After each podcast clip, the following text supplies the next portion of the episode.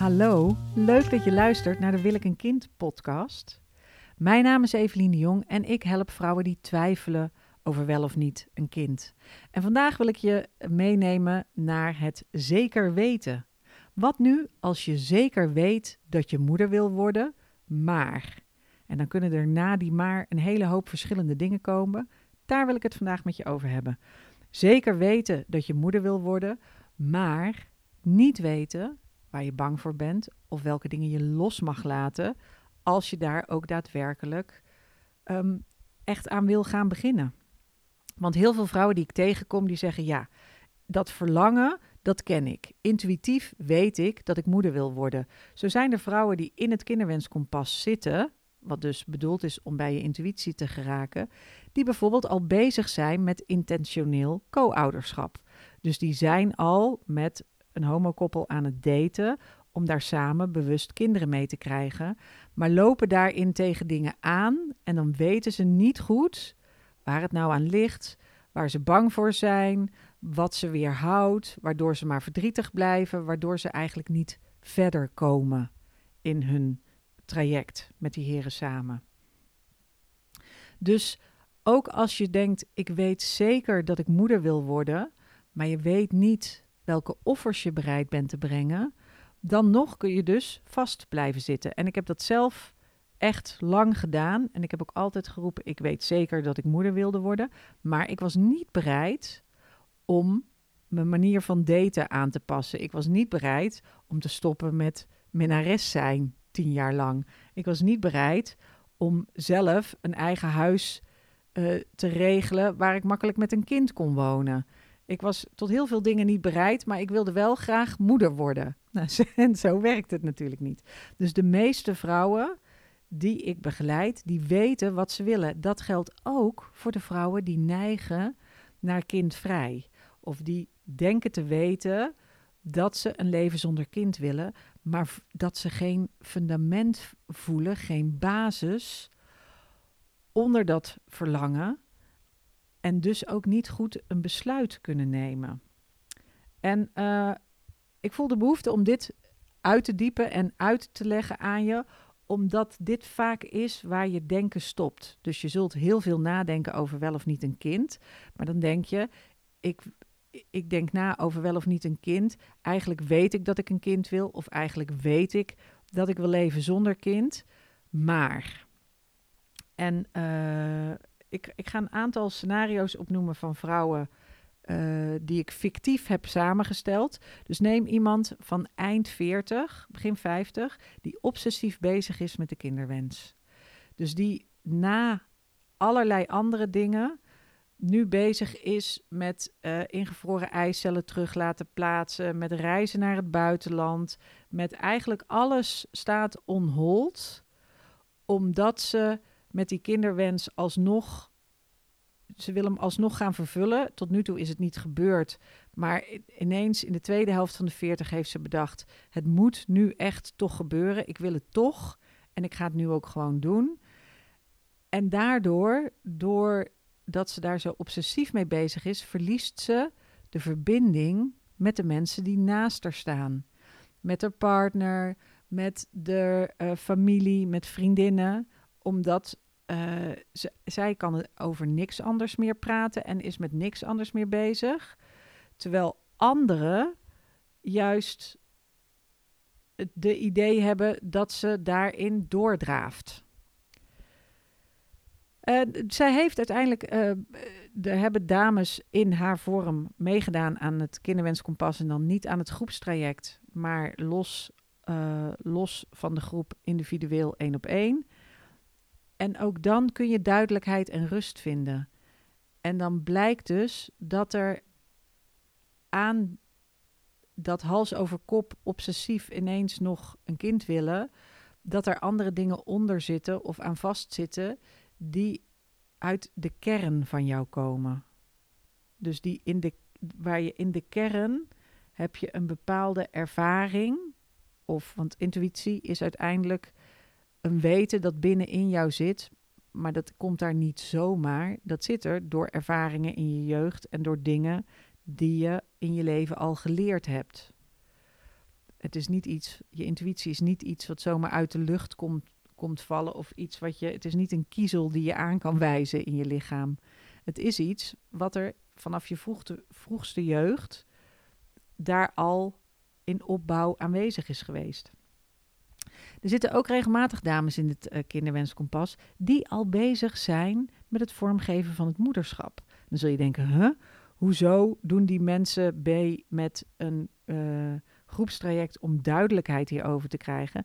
Nou, omdat ze in een situatie zitten waarbij de manier waarop ze hun moederschap proberen vorm te geven, voelt nog verdrietig. Of voelt wankel, of ze liggen er wakker van. Ze twijfelen eraan en ze weten dan niet precies waar dat in zit. Zit dat um, in de mannen met wie je in, intentioneel co-ouderschap wil gaan beginnen? Of zit hem, het er maar in dat je misschien toch geen moeder wil worden? Of zit het er maar in dat je uiteindelijk niet echt solo moeder wil worden?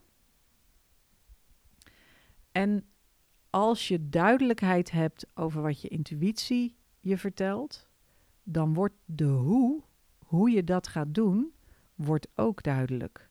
Dus als je weet intuïtief, ja, ik wil moeder worden en dit is wat ik uh, moet loslaten daarvoor en dit is waar ik, bang, waar ik bang voor ben als het gaat om moederschap, dan is de hoe die daarna volgt veel makkelijker. Vanzelfsprekender. Um, ook dus als je neigt naar nee, hè, dus als je denkt ik wil kindvrij leven, maar hoe neem ik nou dat besluit? En wil ik, eh, eh, weet ik wel zeker dat ik dat wil? Krijg ik hier later geen spijt van? Ook dan is het goed om je angsten te onderzoeken en om te kijken welke dingen moet ik loslaten. Bijvoorbeeld het verlangen om te horen bij de groep, om, om normaal te zijn wat wij dan normaal vinden. Er is natuurlijk niemand normaal, maar. Um, en dat zijn dingen die in het kompas, die in het kinderwenskompas, waar we werken we niet zozeer daar heel specifiek aan. Maar wat we wel doen is kijken naar patronen. Dat kan intergenerationeel zijn.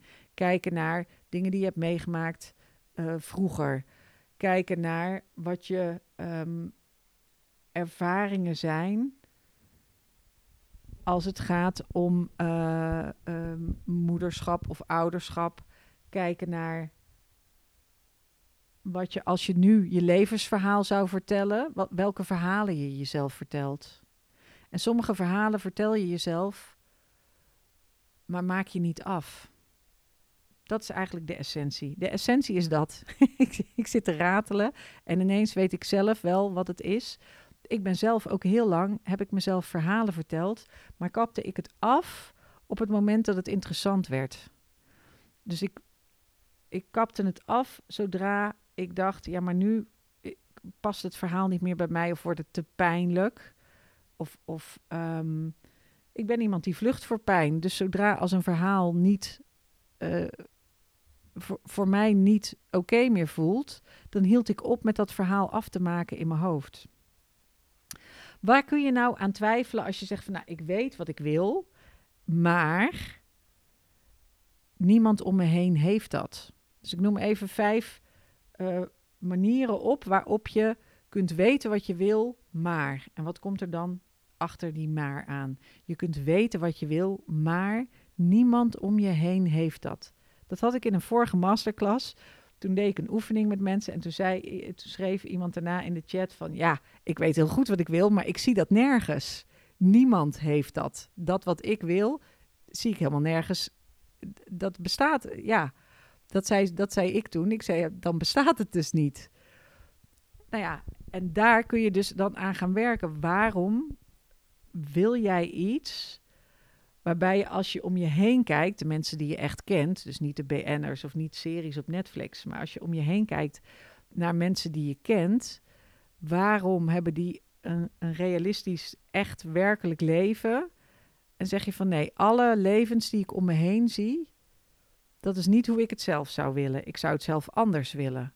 Nou, dan moet je dus kijken waarom helemaal niemand om jou heen een relatie heeft van die statuur of een eh, een gezin heeft van, van dat wat jij in je hoofd hebt, dan zit er dus ergens iets in dat niet realistisch is.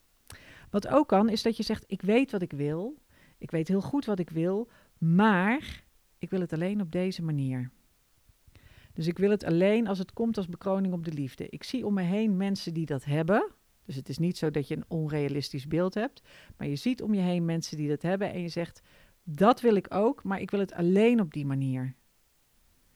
Ik wil het alleen op die manier. Ik wil niet op een andere manier daarnaar gaan kijken. En, want alle andere manieren voelen raar, voelen vreemd, voelen verdrietig, voelen als een falen, als mislukken, terwijl dit te belangrijk is om water bij de wijn te doen.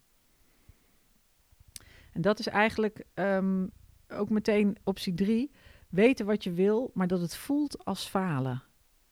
En dat kom ik heel veel tegen, heb ik zelf ook last van gehad. Ik wist dat ik moeder wilde worden, maar moeder worden met een homostel voelde als falen. Want het was ook zielig, want dan zou ik voor de helft van de tijd mijn kind missen.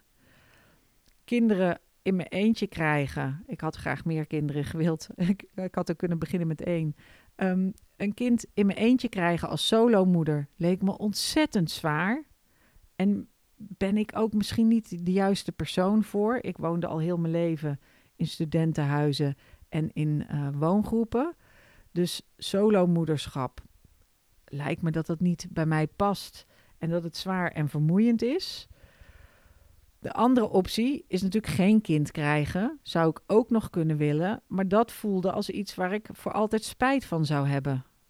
Dus ik zat vast in heel snel een vriend vinden en daar een kind van krijgen, maar dat zou dan echt onder druk aan een kind beginnen zijn. En dat voelde als, als niet helemaal een stabiele uh, uitgangssituatie. Dan had je nog co-ouderschap, maar dan moest ik mijn kind delen. Dat voelde verdrietig. Dan had je solomoederschap, dat voelde te zwaar. Dat voelde ook verdrietig. En dan leven zonder kind, dat voelde ook verdrietig. Dus ik wist heel goed wat ik wilde. Maar alles wat ik kon, me, alles wat ik kon bedenken, voelde tegelijk als een mislukking dit lijkt een beetje op. Je hebt zo van die mensen die heel lastig zijn. Um, ik moet ineens aan mensen denken die dan op alles wat je zeggen, op alles wat je voorstelt, nee zeggen. Maar dit dan tegen jezelf. Misschien herken je dit wel. Dat je denkt, ja, ik wil wel moeder worden, maar dit eh, bevalt me niet. Ik wil wel moeder worden, maar niet op deze manier. Ik wil wel moeder worden, maar ik ga niet dat doen. Dat is deze. Uh, ik heb ooit ook als trainingsactrice, acteur gewerkt. En dan moest je iemand spelen die depressief was en nergens zin in had en lusteloos op de bank hing. En dan moesten die studenten, SPH in Nijmegen was dat, dan moesten die sociaal-pedagogische hulpverleners moesten mij een beetje motiveren. Maar als je toch je best doet om nergens zin in te hebben, dan is dat zo zo gemakkelijk. het is zo gemakkelijk om alles af te schieten. En dat kun je dus voor die kinderwensen ook in je hoofd doen. En zelfs ook in je hart. En het is zo vermoeiend. Vermoeiend om dat te doen. Je wordt, je, als, je dit, als je dit bij andere mensen doet, is vermoeiend voor die andere mensen. Maar als je het bij jezelf doet, nou, dan is, ben je helemaal een knappe jongen die dan nog uit bed komt. Het kan zijn dat je weet wat je wil, maar dat je de regie niet hebt omdat het ligt aan die ander. Omdat je vriend nog niet wil. Omdat je vriend niet meer wil. Omdat je je vriend nog niet kent. Omdat je nog aan het daten bent. Maar daar heb je geen regie over. Je, kunt ze niet beïnvloeden. Je moet wachten tot ze wel willen. Het is allemaal heel complex en ingewikkeld. Maar uiteindelijk ben jij degene die ja, meer dan dromen, hopen en bidden kan je niet doen. Je bent afhankelijk van anderen of van het lot. En ook dat is niet werkelijk weten wat je wil. En wat ook voorkomt, is dat mensen zeggen: Ik weet wel wat ik wil, maar ik doe niks. Dit zal ongetwijfeld ook veel mensen herkenbaar in de oren klinken. Ik weet heel goed wat ik wil, alleen ik doe het niet. Nou, dat is alles. Ik hoef het eigenlijk alleen maar te gaan doen. Ik weet niet waarom ik het niet doe, maar komt erop neer dat ik vorige week dacht: deze week zal ik het echt doen. De week is weer voorbij. Ik heb het nog niet gedaan. Dat is wel weten, maar eh, alleen maar denken en niet handelen, het niet doen. Dus welke van de categorieën zou jij een boxje aantikken? Weten wat je wil, maar niemand heeft dat.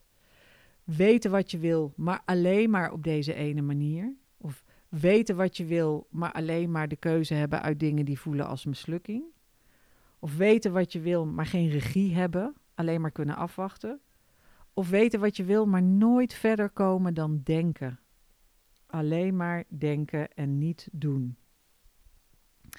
En dan is er nog iets anders wat mensen ervan weerhoudt om uh, als ze dan van plan zijn om in het kompas uh, in te stappen, dan zeggen sommige vrouwen: Ja, maar ik ben ook bang, want stel nou dat ik duidelijkheid krijg in dat kompas.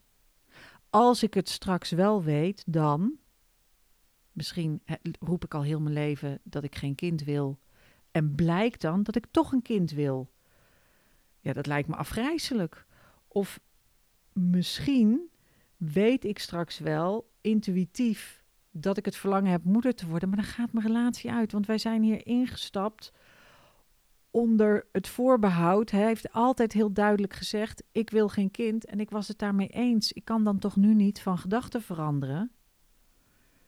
Dus als ik het straks weet en ik heb het verlangen naar een kind, dan, dan moet ik moeder worden en dan eh, moet ik ergens anders gaan wonen.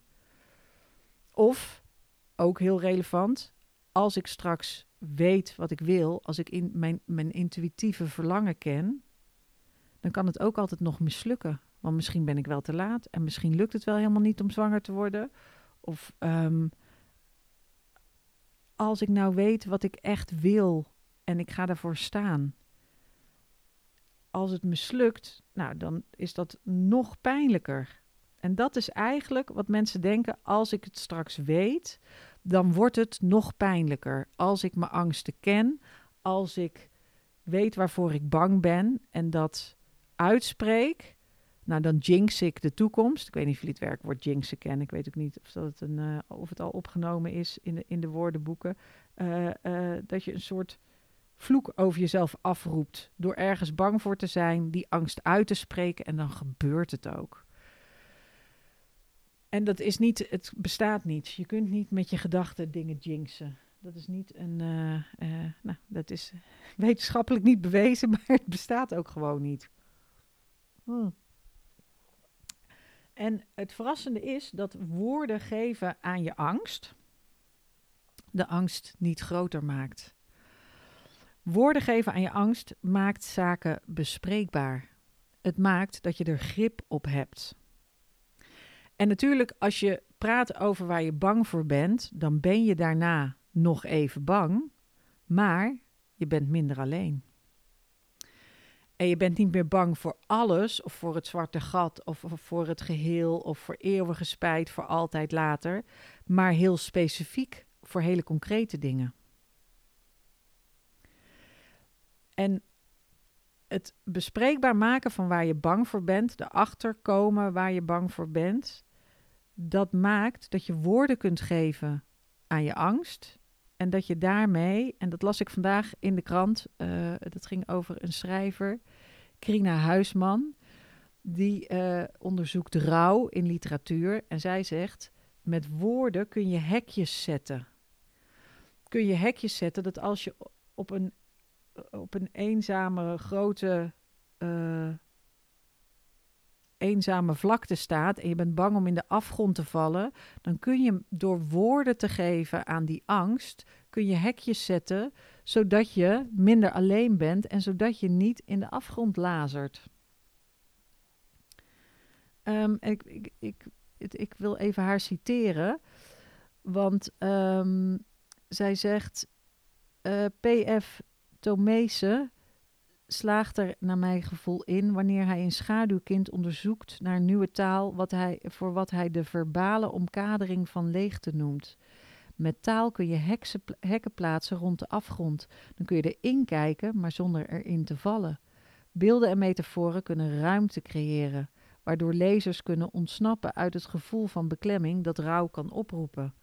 Dus als je je heel alleen voelt en heel verdrietig, en vergis je niet, een onvervulde kinderwens is iets waar je om kunt rouwen. En ook het loslaten van het ideaalplaatje wat je je leven lang al gekoesterd hebt, is ook iets waar je kunt om rouwen.